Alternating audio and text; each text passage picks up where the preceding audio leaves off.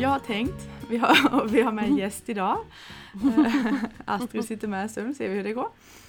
Um, egentligen så har jag kanske en liten kvardröjande tanke om det här med träning. Ja. Uh, men den passar inte, nej det, det, tar vi när det kommer. Tror jag. Uh, ja. Egentligen har jag tänkt på det här med det här vi håller på med. Lite svårt att definiera. Men vi brukar prata om tillstånd. Mm, ja. Uh, alltså att, att um, kärlek som ett tillstånd, empati som ett tillstånd. Mm. Och där någonstans tänkte jag att vi skulle börja. För nu har vi varit så väldigt um, Konkreta. Ja, handlingskraftiga nästan höll jag på att säga. Men, ja. ja. Um, så jag vill nog uh, ta oss tillbaka lite till, till det här med tillstånd. Och, mm. Men också att sen, um, um, hur ska man säga, också då fortsätta med den här växelmärken med, med hantverket. Mm. vi, kan, vi kan börja i hantverksänden då igen lite. Mm, ja. För det kom ju upp eh, för mig förra kurshelgen. Du och jag pratade lite om det. Mm. Um, med en häst som, som jag uppfattade uh, var deprimerad. Och så frågade jag dig om det för jag blev lite konfunderad. Mm. Och, och, så sa du att men, han har varit det. Mm. Men för att kunna förmedla någonting så måste det ju vara nu. Just det. Mm. Ja, alltså om man inte har ett, ett samtal i linjär tid Nu får vi en skällande hund på min sida istället. eh, om, eh, eh, så, så måste ju, för att jag ska kunna förmedla, apropå tillstånd då, varandet av en upplevelse. Alltså hur, hur kändes det? Mm. blir ju då att jag måste uppleva det för att kunna dela det. Eh, och upplevelsen, även om, om den är en repetition av en tidigare upplevelse, upplevs ju nu. Mm. Eh, så, så därför så blir ju mötet blir ju i nuet. Och hur ska man då kunna avgöra Menar den här individen att detta pågår också nu, förutom i våran konversation? Eh, eller finns det liksom Behöver det här förklaras i en vidare kontext för att vi ska kunna sätta in det i den i vår praktiska vardag eller vår linjära tid. Liksom. Och då, eh, när jag har det här som jobb så brukar jag då kunna fästa det på andra punkter. Alltså jag, jag brukar ju fråga om, om djurets namn för att det är bra att förhålla sig till, till någon typ av liksom avgränsning. Och hur länge den har funnits på sin nuvarande plats eller med sin nuvarande liksom person, person eller personer i omgivningen. Eh, och det är också för, vet jag då att ser jag att ja, men det är ju den här personen på bilderna, då kanske det är ganska så nu.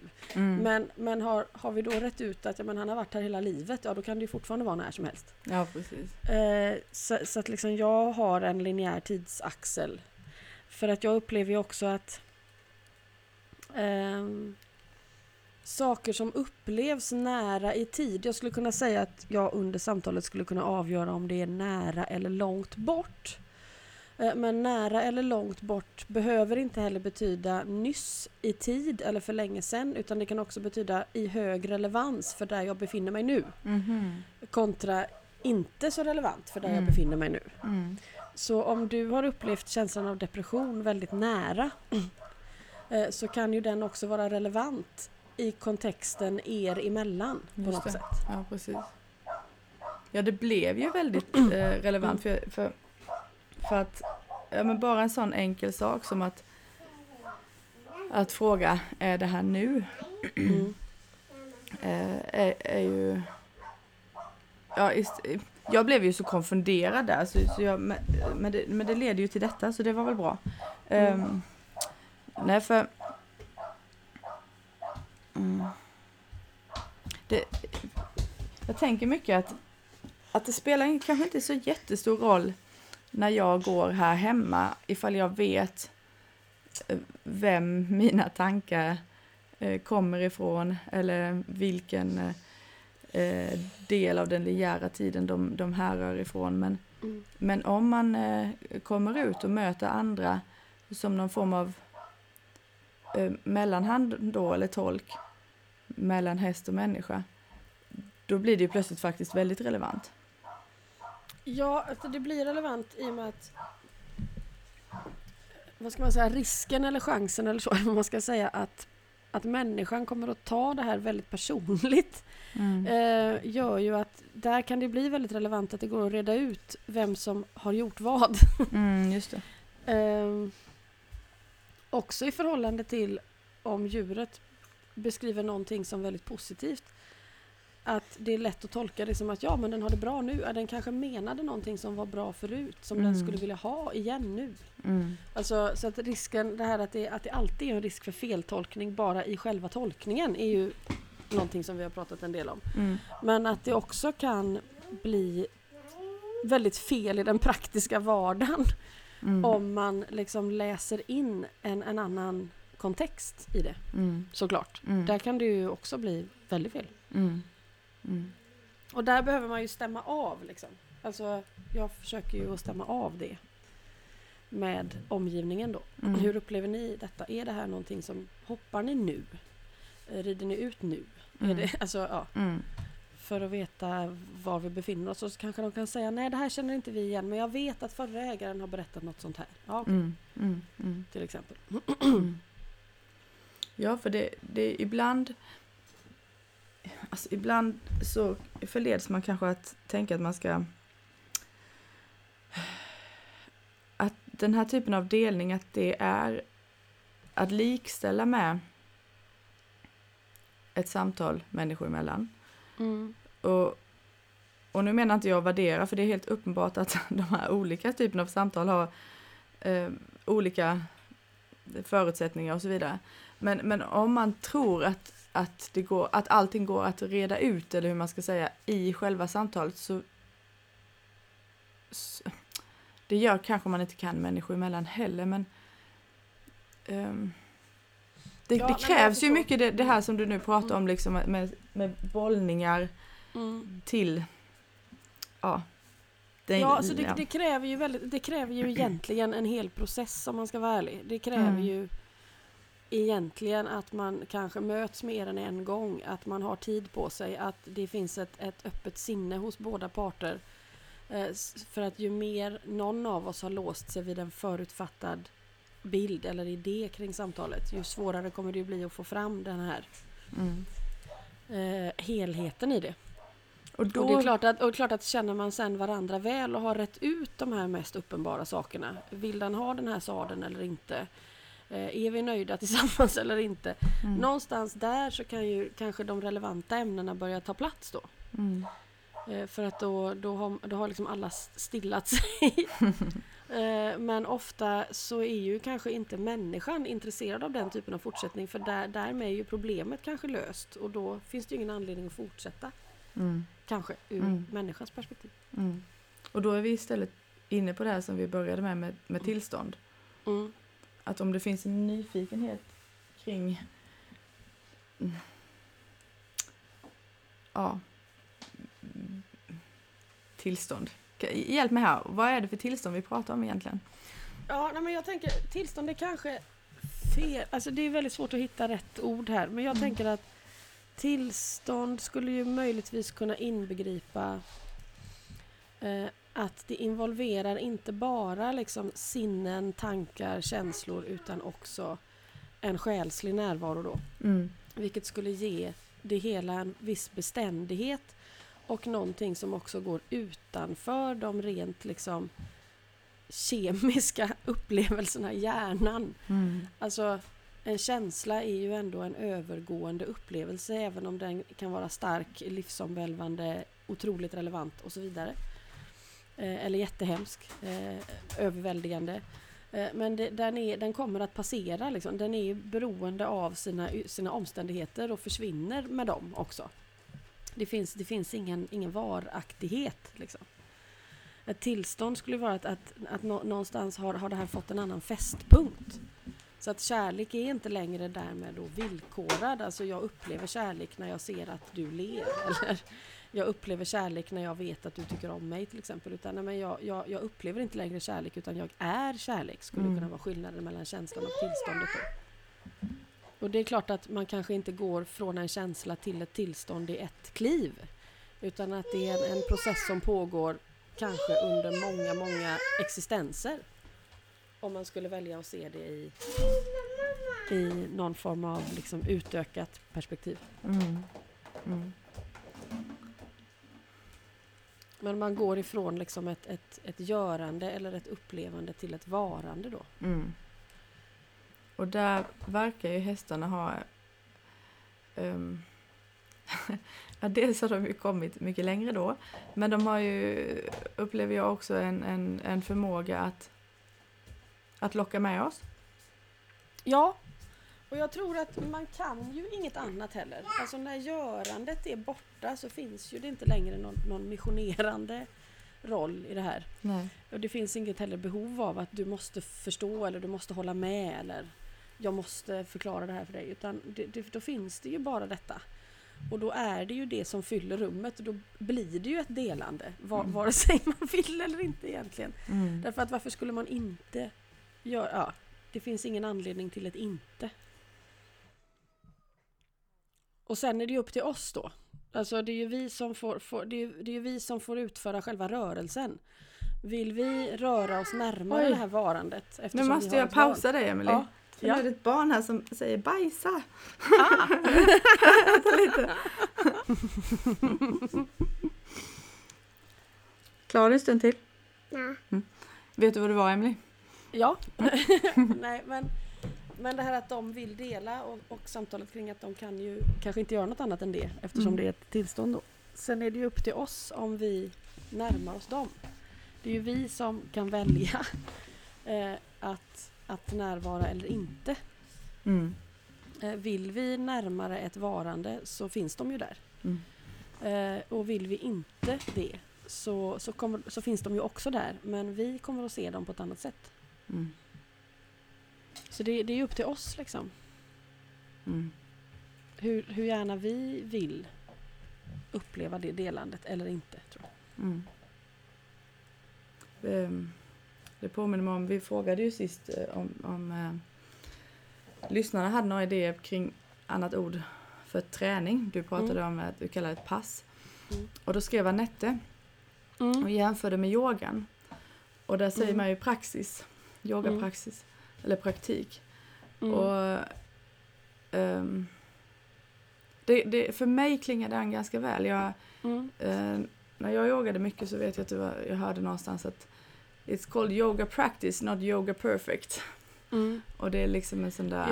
Mm. eh, bra sak tycker jag att ha med även i, i um, samvaron med hästar.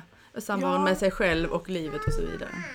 Ja, det är bra för det, där finns det ju inte heller ett uppenbart slut. Jag tänker att det är lite som att, som att ha en trädgård liksom. Alltså det är inget projekt som är klart och sen, sen står den där. Det är Nej. liksom inte en, en staty som man har mejslat färdigt och sen bevaras den.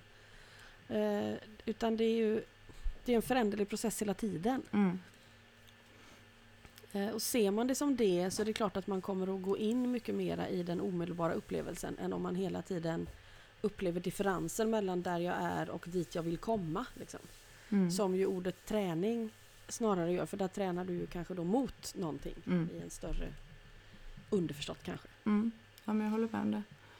Jag tänkte på det, för häromdagen så, så var jag ute och red på Glimra som tidigare då inte, alltså under ganska lång tid har, har undanbett sig all, all samvaro egentligen. Alltså hon klias lite eller så men, och det, har, det är bara någonting som har skett de senaste månaderna. Eh, och hon har blivit, eh, också tagit en roll som väldigt omhändertagande. Men det, vi var ute och vi hade Faula med eh, som handhäst. Och när vi kom tillbaka där så satt jag just med den där känslan av att vad, vad spännande det blir nu när... eh, Alltså vi har egentligen bara nuet. Det här var en, en här, härlig runda. Kolla, nu kommer pappa! Vet du var jag hittade sandrosen? Nej? Den här. Jaha. Hej då med, nu ska jag podda vidare. Ehm, man har egentligen bara den här upplevelsen här och nu. Mm. Ehm, det där var liksom jättetrevligt och jag var tvungen att, att känna den här vördnaden och stoltheten och glädjen inför det. Därför att jag vet inte om det någonsin kommer ske igen. Mm, jag förstår. Och så har jag ju kanske då inte resonerat tidigare. Mm. Utan okej, nu gjorde vi detta och då, då, då blir nästa steg det här och sen så bla bla bla. Precis det du säger om att träningen leder mot ett mål. Men nu blev det en, en, ja, en upplevd skillnad i mig då att Mm. ja, det här var väldigt fint. Mm. Och så punkt där på något vis. Och så ser vi Mm. vad som händer sen. Mm. Jag vet, du har varit inne på det innan också, när, att även om du har tränat, nu så- använder jag träning då, men Mm. kommit till ekipage under flera år så vet du inte vad vi ska göra just idag. Nej, nej, jag vet aldrig det. Mm. det. Vi pratade om det, nu har jag ganska nyss... Här låser sig Emelies dator, men det hon säger är att hon har nyligen varit hos eh, det här gänget som vi pratade om i förra avsnittet. Och hästarna där har ofta idéer om vad de vill göra på passen. Och så fortsätter vi. Eh, De har, de har mycket planer och tankar om eh, Ja, passet, de verkar, dagens ja, pass. Mm. Och, och nu är det liksom också där, just i den här gruppen, och de här har jag ju känt länge, alltså innan, innan vi började med de här liksom passen då, eller praxisen, så, så har jag liksom känt, det här är lite olika då, det är lite olika ryttare i, i närområdet kring den här platsen som kommer till ett ridhus då som är ganska nybyggt. Men det är ju en av, grannen där är väl en av de allra första jag var hos när jag flyttade hit liksom. Så det här är ju människor som jag har känt och som har haft flera hästar under den där tiden till exempel. Mm. Mm. Så det är klart att det är väldigt förankrade relationer. Hur mycket det spelar roll i sammanhanget är ju svårt att svara på. Men vi har ju vant oss vid varandras tankevärldar under en mycket lång tid. Mm. Så kan man i alla fall säga. Och där är det ju flera som också noterar att när de säger till hästen att ja, men nu ska vi på Emelie-träning eller ja, vad de nu kallar det för. Så eh, att, att hästen blir påtagligt engagerad liksom, skyndar sig dit eller har svårt att stå... Alltså de upplever att hästen är liksom, ja, verkligen ivrig på ett sätt. Och jag upplever ju när hästen kommer då att den verkligen har en idé. Mm. Eh, så eh, eh, så att, att hästen har en idé verkar inte begränsa. Men då säger ju, alltså, de beskriver ju den här längtan efter en upplevelse då. Mm. Den här gången var det en häst som hade liksom, gått omkull och förlorat känslan av mittpunkt och kunde inte riktigt lita på sin balans. Ryttarna hade också svårt för det eftersom det hade funnits ryttare med när den gick omkull. Och det är klart att då fanns det ju en längtan efter att återupp, ja, kanske en ny balanspunkt men hitta ett nytt centrum för rörelsen. Och det är klart, det är en väldigt relevant önskan skulle Mm. man kunna säga. Mm. Men där utgör ju inte målet en begränsning skulle jag då Snarare tvärtom nu. Ja, Mm. för att då har vi, då har vi ett, ett ämne att tala om. Mm. Sen om det är det som, som kommer att vara tråden genom hela mötet eller inte, det vet ingen. Det vet ju inte hästen heller. Mm. Men jag kommer med det här, jag lägger upp det här på bordet. Vad, vad lägger ni fram? Liksom? Ehm, Och där finns det ju också en väldig, apropå din uppskattning där. mm. Eh, där kan man ju se det hos, hos ryttarna också, att, att det uppstår den här glädjen när man upplever någonting tillsammans. Mm. Och där också just ryttaren till den här hästen med balanspunkten, hon, hon är, är en slags medryttare där, för ägaren var sjuk. Eh, som också sådär, ja men nu har vi verkligen, det här var en fantastisk upplevelse. Jag tycker vi, sta, vi stannar här liksom, efter en ganska kort tid och det tyckte hästen också. Så att det finns inte heller ett behov av Ja men nu har vi upplevt det här, bra då tar vi ett par liksom, eh, skänkelvikningar och galoppfattningar också för nu har vi ju balanspunkten, då borde vi passa på. Mm. Utan en väldigt genuin tacksamhet Mm.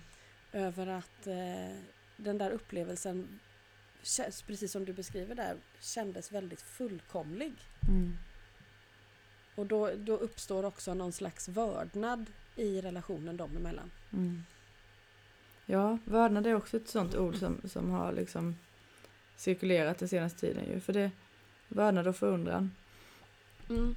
Ehm, Och det kan ju bara uppstå när vi inte längre börjar ta saker för givet. Och där, mm. Det är inte bara girighet som gör det här utan det är också när man har väldigt höga krav på sig själv. Alltså jag förväntar mig av mig själv att jag ska uppnå det här på passet för annars är jag en dålig ryttare och borde kanske inte ha någon häst. Eller jag är Mm. en dålig hästägare eller Eller jag är inkompetent, jag förtjänar inte den här hästen. Det kan ju slå åt andra hållet också det här. Mm. Mm. Varför man inte kan uppnå, liksom uppnå, varför man inte kan uppleva den här eh, tacksamheten som ju såklart inte är där hela tiden utan också är en slags ynnest. Mm. Annars tar man ju det för givet tills det då möjligtvis har blivit ett tillstånd. Mm. Ja, alltså jag, jag börjar förstå det här nu när man, man pratar om barnasinne. Mm. Alltså, eh, på ett sätt så har det varit svårbegripligt som, som ett eh, eh, uttryck. Men, Mm. men om man tänker att man som vuxen plockar på sig just de sakerna som du pratar om nu. Att jag måste vara på något vi, visst vis eller klara av någonting för att duga och så vidare. Mm. Då, då tänker jag att det finns åtminstone inte i de tidiga barnaåren. Eh, och att det också blir någon form av... ja, men det är, handlar mycket om det här att skala av som vi har pratat om mycket ju. Mm. Ehm, Ja, alltså det är väl det att vi så... Jag, jag, jag tänker att i... Om vi inte har den här själsliga förankringen i ett varande utan att det är tomt där då kommer vi ju att uppleva den tomheten som väldigt obehaglig mm. eller otrygg. Eh, och antingen så får man ju då någon form av möte eller hjälp att förstå att det är så det är. och så börjar man bygga i den änden. Eh, jag tänker att i ett modernt, väldigt materialistiskt samhälle så är kanske den chansen lite mindre. Och, och då är det ju att får man ju på något sätt istället lugna den här oroliga känslan på Mm. något sätt. Mm. Eh, och då gör man ju det genom tillfälliga lösningar eller man gör ju det med de bästa lösningarna man har i stunden. Eh, och då tror jag att vi den näst mest stabila byggstenen eller den upplevt stabila byggstenen blir ju en identitet då. Mm. Mm. Alltså jag är sån här. Du är sån. Jag måste detta. Vi, det, alltså, identiteten blir ju som en slags eh, låda på låda på låda liksom, av, av tillfälliga sanningar som gör att världen tillfälligt håller så att jag har någonting att stå på. Mm. Apropå just att det råkade bli ett exempel med en häst som, som letar efter en balanspunkt. Där hade man ju kunnat i ett traditionellt ridpass helt enkelt se till att ryttaren ramade in hästen så mycket att ramen blev en balanspunkt och så hade vi kunnat göra en massa fina rörelser där inne i sanden. Mm. Och så har hästen Eh. snubblat när den kom ut i hagen. Ja. Eh, eller blivit väldigt beroende av sin ryttare även om det hade varit en, en bra relation om du förstår. Mm. Mm. Så hade den fortfarande inte kunnat förankra tryggheten i sig själv. Det hade förr eller senare slått i taket. Mm. Eh, även om vi hade gjort det på ett mycket kärleksfullt sätt. Ja, jag förstår. Eh, så här fick vi vara väldigt tydliga med och kanske bra att just ryttaren i det här fallet inte har ridit hästen så jättemycket. Mm. Att eh, du måste våga låta honom vingla. Liksom, för att han kommer aldrig hittas var, var han själv börjar och slutar annars. Mm. Eh, och det var hon kapabel till. Och hon hade också närvaro till att och liksom kunna känna var han befann sig men ingrep inte så han var inte ensam när han upplevde vinglandet. Men han fick inte hjälp när han inte behövde den. Liksom. Mm. Mm.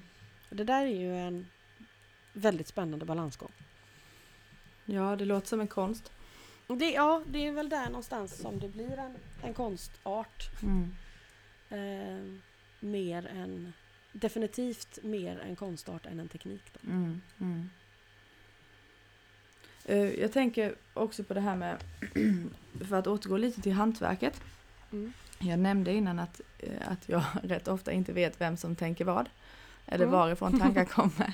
Eh, Det var ytterligare en sån här grej. Det känns ju väldigt rimligt också om man, om man drar det ännu längre till att egentligen är vi ju alla bara förtätade liksom upprepningar av sammansättningar av kolatomer. Så att Exakt. vem är vem är ju Nej. helt enkelt omöjligt att reda ut om vi fortsätter den här konversationen tillräckligt länge. Ja, eh, och, och det är ju eh, utan att kanske nödvändigtvis fortsätta konversationen så är det ju väldigt viktigt att ha med det där tycker jag. Mm. Att eh, ja, allt är gungfly höll jag på att säga, Mm. eller, eller allt är en illusion, vad vet jag. Men, Ja men det är också det som gör tror jag, förlåt nu Mm. avbröt jag, ingen fara. men att det, är också, det där är också en orsak till att vi väljer de här kortsiktiga identiteterna och den här tillfälliga känslan av stabilitet. För den själsliga förankringen kommer ju inte kännas stabil Till att börja med kanske. Alltså den känns ju oerhört stabil när man upplever den för att det blir en aha-upplevelse men den Mm. håller sig inte fast vid någonting. Mm, mm, och vägen till den känslan är ju allt annat än stabil. mm. Så det är klart att kan jag hitta en tegelsten direkt, varför, varför skulle jag inte välja att luta mig mot den? Mm. Ska jag välja det här obegripliga som kanske om, om nåden kommer och möter mig möjligtvis leder till någonting sen? Mm. I ett perspektiv som inte ens har någon tidslinje liksom. Nej, och där någonstans så kan man ju inte heller egentligen, man kan ju inte ens söka efter själslig förankring utan det, Nej, det måste ju vara en, en man kan längta efter den. längtan eller, och en, en nyfikenhet på Mm, vad finns ehm, vad finns mer än en tegelsten då, för att uttrycka Mm. det krasst. Alltså, Mm. vad finns om jag ger mig ut där i gungflyt? Mm.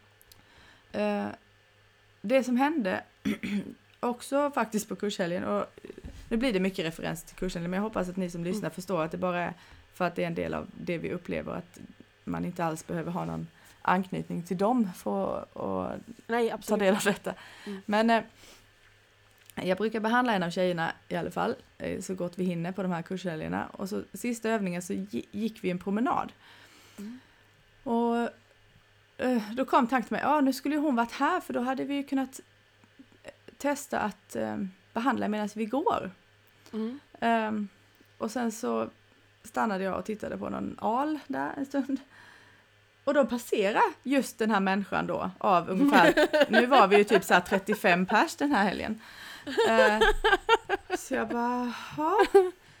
Så tänker jag, nu vill ju inte jag vara den framfusiga här. tänker jag, Mm. jag får nog ändå säga detta för det var ju lite så här. Så jag, du, eh, alltså nu slog det mig precis att vi kanske skulle behandla här, så vi, för det var sista övningen också, vi hade inte fått till någon behandling på hela helgen. Mm. Att vi skulle kunna testa medan vi går då, eh, men bara om du vill. Och, och så säger hon, du, eh, jag tänkte precis detsamma men jag hade aldrig vågat fråga. och då vet jag att jag sa, ja men då är det nog meningen att vi ska göra det, då är det väl någon annan som tycker det. Mm. Men i ärlighetens namn, jag har ingen aning. Hörde jag hennes tanke? Hörde hon min? Kom det här någon annanstans ifrån? Mm. Och på ett sätt så spelar det ju verkligen ingen som helst roll. Men Nej, samtidigt är det spännande att undersöka. Ja, och det här är ju sånt som man märker händer mer och mer. Om man, ja, ur ett mioperspektiv ser man att det händer mer och mer när man fullföljer ett ekipage till exempel, eller som i ditt fall en behandling av en person. Eh, Och det finns säkert en massa andra sammanhang där man lägger fokus på ett själsligt uppvaknande där det också blir så, Mm. skulle jag kunna tänka mig. Just därför att det, väggarna blir tunnare. Mm. Det, det, det är vad, alltså vad kännetecknar en tidlös plats? Det är att väggarna är tunnare. Liksom. Mm. De här sanningsbundna identiteterna, i det här fallet i form av tid och sekunder, de är inte längre eh, konstanta helt enkelt. Mm. Så tänker du en tanke eh, som är liksom också genuin i förhållande till henne. Eh, det är inte manipulativt eller dominant eller ditt behov av en behandling för din bekräftelse kanske eller vad det nu kan vara. Mm. Så har ju hon en möjlighet att svara på den. Det kanske sker omedvetet. Hon kanske tänkte den först, vad vet jag? Mm.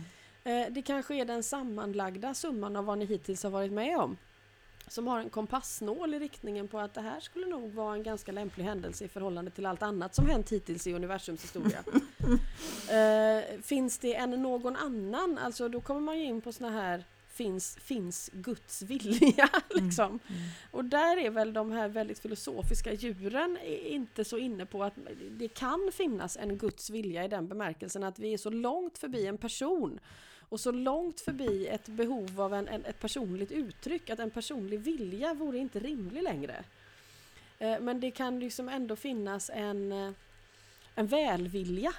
Mm. Liksom. Det kan ändå finnas en, en, en, någon slags intention. Att, och det är det de här djuren de menar, det finns liksom ändå en slags vänlig intention i skapelsen. Skulle det kunna vara Guds vilja? Någon, någon säger att eh, Guds vilja skulle endast kunna uttryckas som att, som att eh, hen, den, detta, Mhm. alltet eh, skulle vilja bli upptäckt. Liksom. Att det är Mm. någonting som hemligt gömmer sig och undrar om den kommer att bli upptäckt. Det kanske skulle vara det enda man skulle kunna säga i ämnet. Eh, Men, men en personligt riktad vilja, då är det inte längre samma gudsbild. Liksom. Men, men och då, då blir det också svårt, Eh, finns det, finns det då saker som är meningen? Ja, det skulle kunna lätt att se, men skulle det då kunna finnas saker som inte är meningen? Hur i hela fridens namn händer de då? Mm. Händer de utanför skapelsen? Eller hur, hur kan saker inte vara meningen? Men, men, men alltså, hemska saker, de kan ju inte vara meningen. I så fall är det ju inte en vänlig intention och så biter man sig själv i svansen Ja, där ja. hela tiden då. Mm. Mm. Ja, men det gör man ju verkligen. Så, Mm, Ja. ja. det gör man. men det, och det får man väl fortsätta med. Men, Mm. men Och jag ser ju att de här djuren som har passerat den gränsen och har en mycket större verklighet än mig, de biter sig inte i svansen där därför att där har allting blivit så mycket större att cirklarna är inte längre så små. Liksom. Så jag, jag kan förstå det, men jag, jag kan inte, det, det, det hjälper inte i form av en förklaring eftersom vi också är förbi det då. Mm. Nej men det är väl också lite så att det, det, kanske, man kanske kan tänka sig att allt är okej när man sitter i en ganska privilegierad verklighet. Men, men Mm. liksom lyfter man blicken en uns då och tänker på eh, situationen i världen så, så kommer ju den där frågan igen, hur kan det här vara okej? Eller Ja. det kanske inte är okej men alltså du, ja, Mm. hur det Ja, och, och jag, jag har ju liksom själv upplevt tillstånd där man verkligen upplever en fullkomlig perfektion. Mm. som också på något märkligt sätt inbegriper det här imperfekta men som på inget sätt ger en ursäkt till, till lidande liksom, eller framförallt att orsaka lidande. Mm. Så, så, så på något sätt så hänger det här, så går bilden ihop. Mm. Men den, eh, det är inte intellektet som binder samman det. Det är det inte. Nej, nej. Alltså du nämnde det här med att ja, Guds vilja eller alltets vilja eller vad vi nu ska kalla det, att vilja bli upptäckt. Mm. Ehm, jag har en konstig upplevelse av det där. Jag tror Mm. att det var en hemläxa och jag har skickat det till dig som en ljudfil. Mm. Och jag kommer inte ihåg eh, formuleringarna såklart, men alltså just det där du säger nu. Ja, upplevde jag på något vänster där. Mm. Och det är ju Mm. ganska spännande. Mm. Ehm. och på något vis så är det kanske inte konstigt då att, att, jag menar, att vi läser de här gamla poeterna. Eller att, vi, att vi, vi upplever själva i våra samtal att vi ibland liksom talar i gåtor. Eller, Mm. Alltså, det blir de här vindlingarna Mm. ehm, som kanske är nödvändiga för att, för att upptäcka. Ja, jag tror det eftersom, eftersom vi måste ju vi måste ju på något sätt skapa labyrinten. Mm, Annars, annars kan vi inte hitta det som inte går att hitta. Liksom. mm. Det var ju solklart. Ja, eller hur? Ehm, det finns, eh, apropå väldigt oväntade, Pirates of the Caribbean är en film, ja, det är tre Mm. filmer som vi har tittat mycket på i Jordanien när vi har kört fast. Mm. Eh, därför att för både mig och min chef där nere så, så har den varit väldigt relevant ur ett andligt sökandes synpunkt. Eh, och då finns det en sekvens där, där de ska liksom ut, det är en som har hamnat utanför tiden och helt enkelt behöver hämtas hem och det är ganska krångligt eftersom man då måste ta den här resan emellan som i sig inte går. Eh, och så är de ju såklart, och frågar ju någon kaptenen på det här skeppet, men, men alltså vet du vart vi är nu egentligen? Och så svarar han bara, nej jag har ingen aning. It's necessary to be lost when you're looking for places that can't be found. Ah, Eh, och och den, den har ju hjälpt oss väldigt mycket. Och sen, ja, de, de hittar ju det där, så måste de ju vända upp och ner på hela sin begreppsvärld. Det är ju väldigt många steg när de också sen ska ta sig tillbaks. Ehm, och då sitter de med en karta som liksom varje gång man tittar på en del så snurrar en annan del, så man får liksom aldrig ihop dem. Eh, och då säger den personen som sitter med det där att This is maddeningly unhelpful. Why are these things never clear? ja, det är verkligen... Ja. Alltså det är sjukt roligt att se er framför sig med den här filmen. Ja. Att du liksom kan citera de här grejerna med klockren inlevelse. Ja, absolut. Det här hjälper oss. Ja. Där också för att det är sådär Ja, man måste inte bara leta i de gamla tårarullarna liksom, utan det är så här att människor upplever det här. Det finns liksom skapade extremt kommersiella Hollywoodproduktioner eh, som verkligen kan hjälpa en när man har gått vilse i öknen. Det tycker jag är väldigt roligt. Ja det är det verkligen. Det är också totalt eh, prestigefritt. Ja, och, och, och det finns ju en poäng med det med tänker jag verkligen. Ah, vad skönt att höra. Jag, Eh, jag, Apropå ja. just att vi måste uppfinna, liksom, om vi ska Mm. leta efter det här som inte kan definieras, då måste vi ju faktiskt kanske göra oss själva en gåta. Mm. Till exempel en spelfilm. Mm, till exempel en spelfilm. Och det funkar i alla fall för oss som liksom, där det praktiska handlandet då ändå handlar om att förstå en liksom mångtusenårig historia berättad av hästar och hur den ska kunna bevaras och införlivas i modern tid. Mm, mm. Ja precis, igen står vi där då. Att, ja, första gången vi såg någon av de här så var det en biosalong och jag tror att det var ganska svårt för resten av den biosalongen att förstå varför de här två nötterna skrattade i 20 minuter utan avbrott. Liksom. För att så roligt var det kanske inte. Men, men gud. ja, det tyckte ju vi då. Ja men det- ni stod ju där igen då i den här skärningspunkten mellan Mm. praktik och ehm, Ja, precis. eh, abstrakt. Mm. Ehm, ja, och där tänker jag att där måste man ju kunna skratta åt sig själv. Mm, Och det. allt det andra. Mm. Mm. Och då, då är det ju lite kul att det kan komma ifrån så ja, prestigelösa, oväntade håll. Mm, mm. Mm. Ja, nu, nu kommer vi öka eh, streamandet av Pirates of the Caribbean med åtminstone 100. Jag har ju bara sett de tre första då, så jag kan inte ta något ansvar för den fjärde, finns för den femte, jag vet inte. Jag vet inte hur många det finns, det var länge sedan jag såg dem. Mm. Men eh, de tre första är ju väldigt behjälpliga. Mm, mm. Ja. det är kul att du tar ansvar för dem då Emelie, men de andra släpper det. Är också lite, lite eh, sufiska, obegripliga texter, så ska man nog... Ja, då får, då, då får vi då ihop det. Mm. Mm. Ja. Nej men och sen apropå, eh, nu hamnade du bara så slängde jag ur med ordet tårarullarna, men Ja. jag kan ingenting om dem. Nej. Men jag har ju hamnat i den eh, kabbalistiska världsbilden under en period när jag var i Israel. Mm. Och där finns det liksom en uppsättning böcker, nu har jag inte i huvudet hur många de är, men som är i princip obegripliga, alltså man, vad jag förstår, så Mhm. är inte vitsen med dem enbart att man läser dem, det finns säkert de som läser dem men, men därför att de har en, en utstrålning som spelar roll. Eh, Mm. och man ska inte öppna de här böckerna före man har fyllt 40, Mm. för då blir det skadligt. Så jag var ju såklart då tvungen att göra det Mm. och jag hade inte fyllt 40 och blev jättesjuk. Eh, och slog igen dem och var jätteförsiktig. Och sen fick vi alla de här böckerna. Fick ett stort, det, ja, det är Mm. ett stort band liksom. Mhm. Och jag vågade inte röra dem så de var ju liksom kvar i sin plast.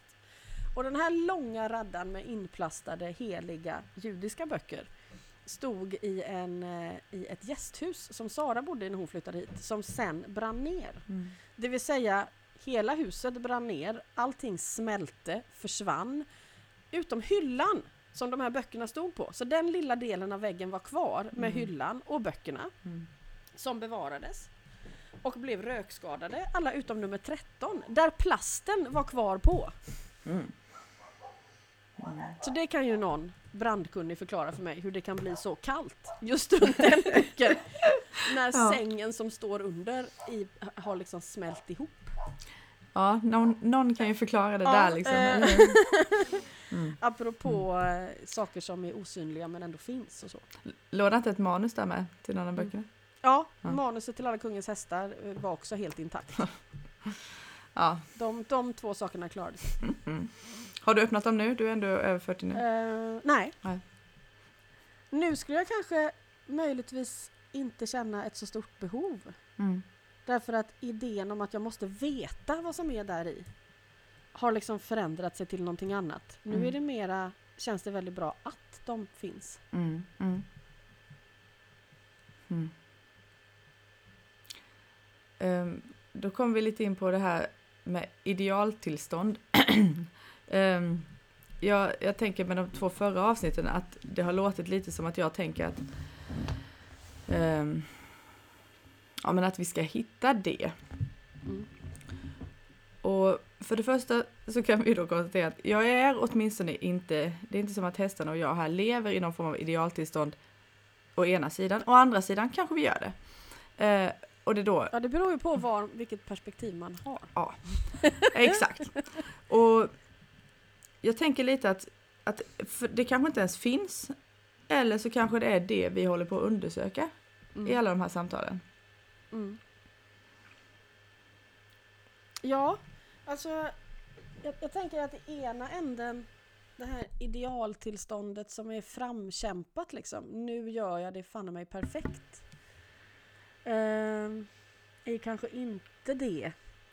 Det skulle ku- det, s- Nej, det skulle kunna leda mot två, alla vägar delar sig hela tiden liksom. Mm, mm, Ehm, det, det skulle riskera att hamna i en eh, borde, måste, jag duger inte kontext. mm, För att kraven på att upprätthålla perfektionen skulle kunna vara ganska riskfylld egentligen.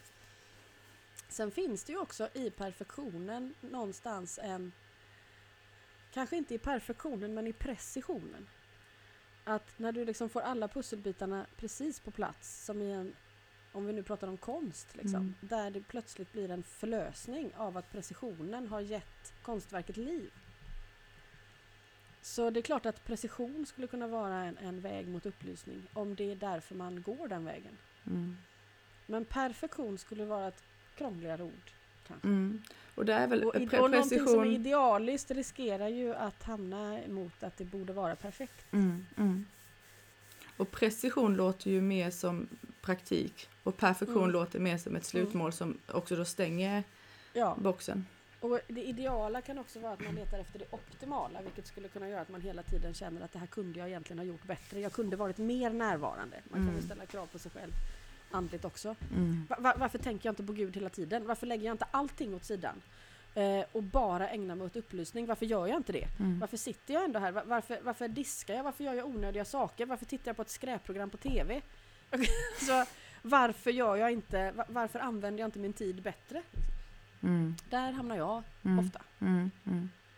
Det, livet är kort, jag, jag vet vad jag längtar efter. Jag, jag har liksom fler lärare än de flesta nu levande människor, men jag är inte där. Liksom. Mm. Mm. Jag lyckas ändå rota runt och använda en så liten del av min vakna tid till att vara här. Hur är det möjligt liksom? Mm. Och, och den där ilskan, är ju, frustrationen, är ju bara delvis konstruktiv en väldigt kort stund. Sen, sen är det ju bara självömkan kvar av den. Mm. Liksom, som en liten hög maska. Jag kan känna igen det där. Mm. Mm. Så jag tänker att ju närmare man kommer det som jag tror att du pratar om, det här varaktiga tillståndet som är på riktigt närmare hur skapelsen är, är, är gjord på något sätt, eller hur den, vad den består av. Där någonstans så blir ju, så upplevs ju tillvaron, tillståndet mera idealt. Där, därför att det kan inte vara något annat, apropå det här eh, vi sa med hästarna där, att de är ju där, de kan inte vara någon Mm. annanstans än där. Mm. Mm. Ja, ehm. det, jag skulle säga att, att de glimtar man får av det, att det, alltså det kanske var, ehm, nu ska jag inte säga att det var en glimt, men den här känslan efter att vi hade varit ute då på en tur här häromdagen.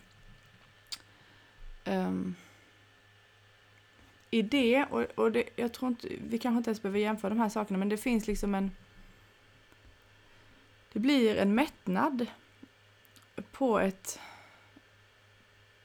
på ett vad som känns som eh, rimligt sätt.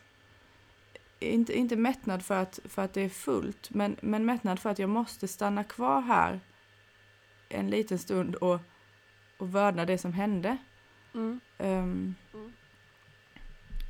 och inte springa Ja. vidare egentligen åt något håll. ja.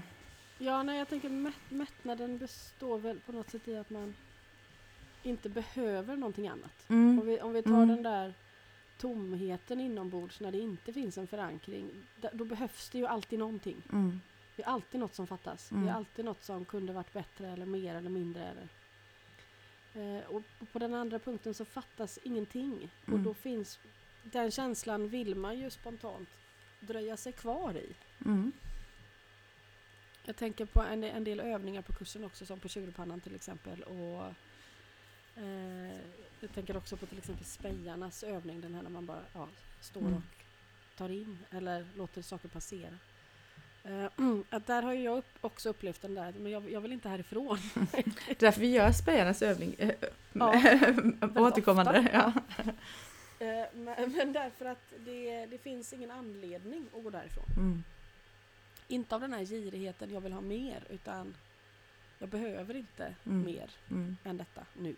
Ja, det var väl uttryckt, för det är precis Mm. den upplevelsen ju. Mm. Mm. Och där är man ju kanske närmare det här tillståndet som man söker. Mm. Jag tänker också på den här frågan som vi mm, ehm, hade, hade uppe i förra avsnittet. ehm, som jag tog med mig till hästarna. Om att hur kan vi... Hur kan vi... eh, ja, nu kommer jag inte ens ihåg exakta frågan, men jag tror det är någonting kring att hur kan vi uppleva mer av livet? Ehm, inte mer, ja, hur kan jag uppleva livet? Tror jag. Mm. Hur blir det mer plats för oss och de vi är och Mm. Sådär. Och den... På något vis, så när den frågan ställs så faller väldigt mycket undan. Och det är nästan som att att, att bara att ställa frågan leder till känslan av att inget mer behövs. Mm. Ja, jag förstår. Och då blir ju det som uppstår en ren bonus. Om Mm. det uppstår någonting. För det behövs ju inte men det är väldigt fascinerande i alla fall. Ja, det är det. Och, och, och jag tänker också att man i den här om man säger kulturen eller livsstilen som vi befinner oss i när man först kanske tänker sig idén om att hur hur kan liksom mer hur, hur kan jag leva som mig fullt ut? Att, att vi, man får en ganska liksom yvig och kraftfull bild av saker som kanske ska göras eller upplevas eller slutföras eller förstås eller så. Det, och då behövs det ju mycket. Det kanske Mm. behövs en utbildning, det kanske behövs ett fantastiskt hus. Det kanske förstår, det Mm, kan ja. vara massa saker som Ja. behövs. Och, och sen inser man att ja, men det där jaget behöver ju egentligen ingenting om, om det är kopplat till själen. Mm. Då är jag ju i precis rätt hus. Eller då står jag ju på exakt rätt plats. Mm. ja, Mm. det faller allting av som man först tänkte sig att man behövde Mm. för att det skulle vara möjligt. Mm.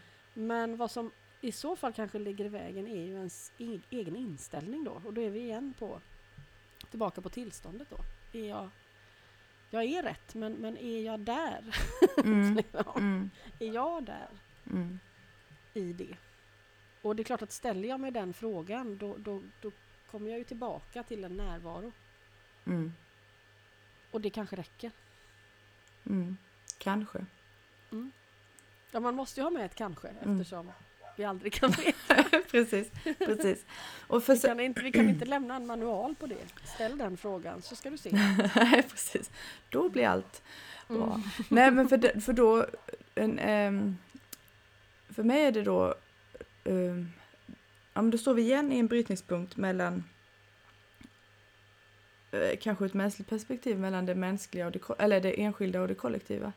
Mm. Och där tänker Mm. jag att hästarna det- inte ja. riktigt står i någon sån... Den, den, den brytningspunkten existerar nog inte för dem. Nej, och jag, jag tror att där när du säger det så tänker jag ju på det här som de eh, sa eh, i, när de presenterade flockidén igen i en ännu fördjupad form Mm. till, eh, i samband med kursen då att, att ni män, men, vi ser inte människor som flockdjur, vi ser er som fortfarande singulära, ni har inte, ni har inte bestämt er. Mm. Mm. Eh, vill ni ingå eller vill ni vara separerade? Mm. Och, och med det så fanns det ju ingen värdering som vanligt. Men det är bra att påminna om det. Mm. Alltså inte underförstått, ni borde välja att delta. Nej, precis. Eh, utan bara, ni har inte valt. Mm. Eh, faktum, individer kan ha valt men arten har inte valt i en så stor grad att man kan säga att det kollektiva har vippat över åt ett eller annat håll. Nej. Och då menar ju de också att därmed har ni heller inte en koll, ett kollektivt minne av hur det är att delta. Mm. Eh, och därav också tveksamheten inför vad händer om jag hoppar? Blir jag emottagen? Jag vet inte. Jag, på riktigt vet jag inte. Det är inte upplevt. Mm. Och då Det- kanske det finns en poäng med individer som hoppar. Ja, för att hjälpa eh, andra. Eller, Absolut, ja. och där finns det också en poäng med de här vittnesmålen. Jag tänker på, man kan ju som sagt inte förklara det, eh, men man kan vittna om det. Eh, Och jag, och jag vet, det fanns en häst i Jordanien som, eh, den historien är med i nästa bok nu, som, eh, som var otroligt nära att dö. Han var verkligen på kanten och när han var på kanten och egentligen också hade gått över den så, så upptäckte han att han låg i någonting som var så stort. Och det han låg i var skaparens hand. Liksom. Mm. Det, det var hans upplevelse. Ehm, och nu har jag helt glömt varför, varför jag tog upp den historien. Oj. Då kunde jag inte eh, slutpunkt på den.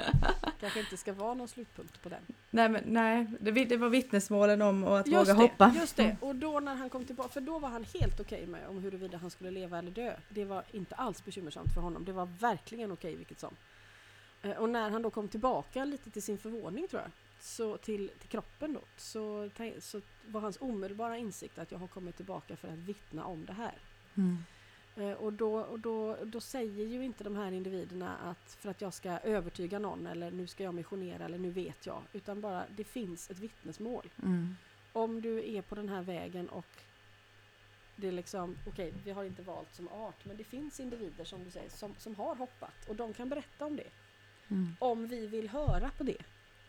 Mm. Så det är klart att det finns, det är samma med de här upplysta hästarna när Sander gick igenom sitt Brima, det hon gör, det finns vittnen. Det finns liksom hästar som håller sig runt de här hela tiden.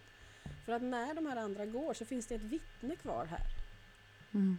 Så, så, så att, och, och där, där tänker jag också de här att jag prackar på er alla de här sufiska dikterna liksom, för att för mig är det, det, det, det är vittnesmål. Mm. Mm. Vi, vi kommer aldrig kunna förklara det här fullt ut. Eh, det finns ingen teknik, det finns massor med tekniker men det finns också, vi måste också till slut frångå dem. Eh, men det finns vittnesmål, det är det vi har. Liksom. Mm. Ja, det är väldigt spännande. Ja, men på tal om flocken det, bara för att eh, knyta an. För några år sedan så, så beskrev Aust hur hon, hon blev mer av sig själv i och med att hon var i flocken. Mm. Och för mig vid det tillpu- den tidpunkten var ju det väldigt förvånande. Jag var kvar i en väldigt individualistisk världsbild. Mm. Nu, några år senare, ehm, så har det där ändrat sig. Och jag kan, jag kan verkligen förstå känslan av att bli mer av mig själv genom flocken.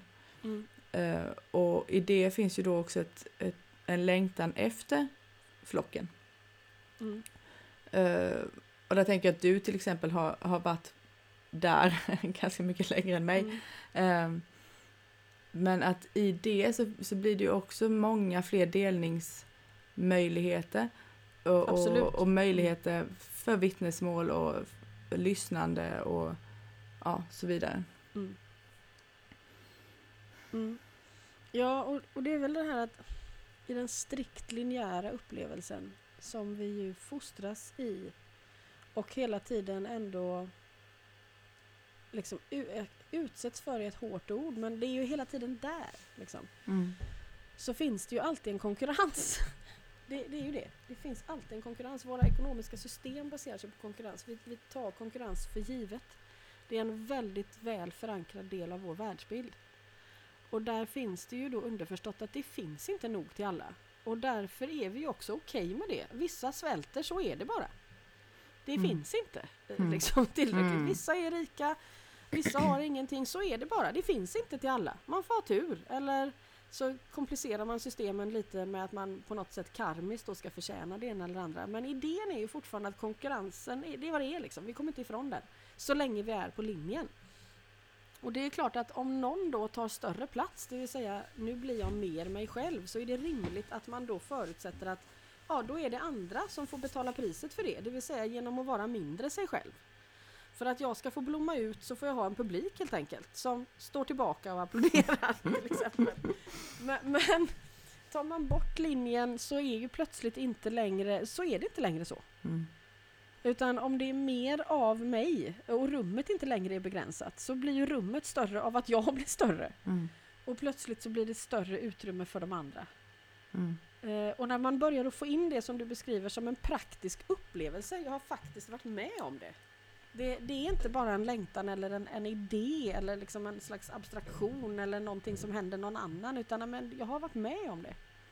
Mm. Det är klart att då, då, då längtar man ju dit. Mm, mm, Då vill man ju vara där alla de andra är. Det vill säga man, man vill vara i livet. Mm, Apropå det mm. vi pratade om Sander där, det här intensiva med att ge mig vilken kropp som helst, jag vill bara vara med. Ja, jag vill tillbaka. Skitsamma, ja, skitsamma om Mm. det är lätt eller svårt eller Mm.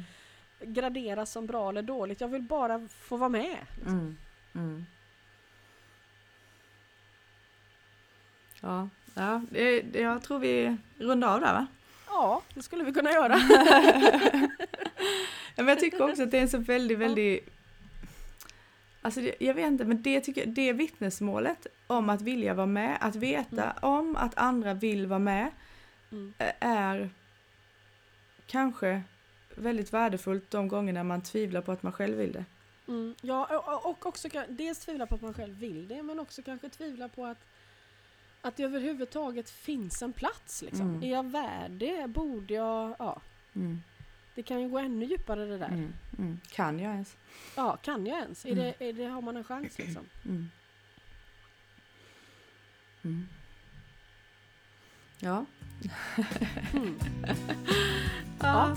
Säga hej då och tack och allt det där, det är så svårt. ah, Ja, vi Tack. vill ju vara med. ja, vi vill ju vara med. Vi vill ju vara med. Ja, så är Mm. det. Mm. Tack för att ni lyssnade i alla fall. Vi, vi återkommer ju. Ja, ja, det gör vi. Mm. Inshallah. Inshallah. Kan inte ta det för givet. Nej, ingenting.